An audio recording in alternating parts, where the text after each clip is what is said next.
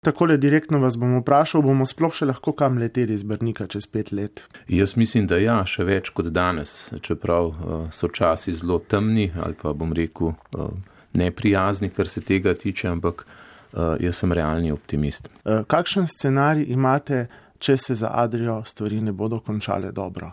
No, kot prvo, mislim, da se za Adrijo lahko končajo stvari dobro, skratka, znotraj same Adrije in sanacije ali po povezavi z nekim strateškim partnerjem.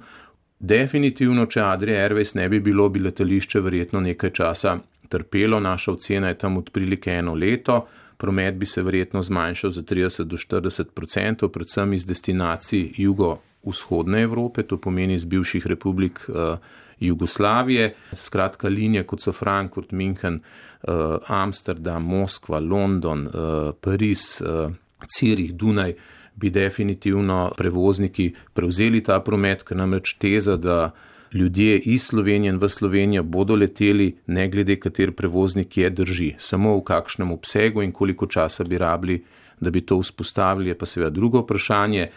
Pravzaprav vidimo eh, iz informacij, s katerimi smo obkroženi zadnje čase, da razlogov za optimizem ravno ni, ampak vi pa še kar ustrajate, da nam bo uspelo. Ja, jaz se pravim, že kot prej omenjeno sem uh, realni optimist, ker pomeni, da zadeve niso zavožene do konca, ne, se jih da urediti, da se urediti tudi družbe, tudi koncepte, vodenje v družbah.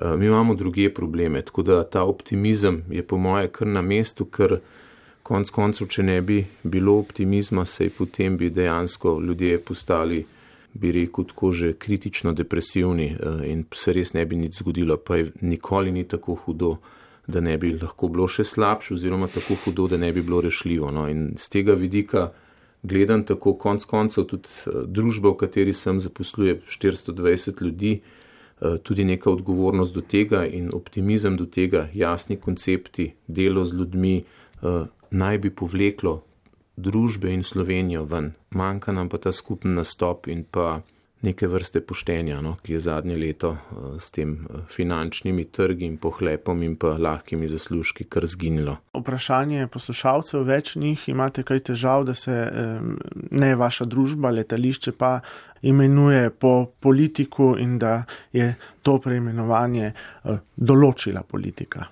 Okoli tega je bilo ogromno polemik, se mi zdi manj pomembna zgodba. Ne?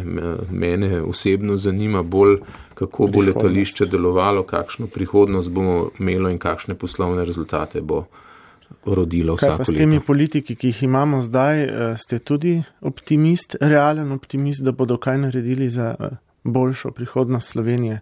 No, jaz bom vedno realen optimist. Če so pravi ljudje na pravem mestu, bodo naredili kot uh, sledim konceptu, mislim, da nimamo več dosti izbire in ponujen koncept je po moje uh, neizbežen in jaz upam, da ga bodo izpeljali.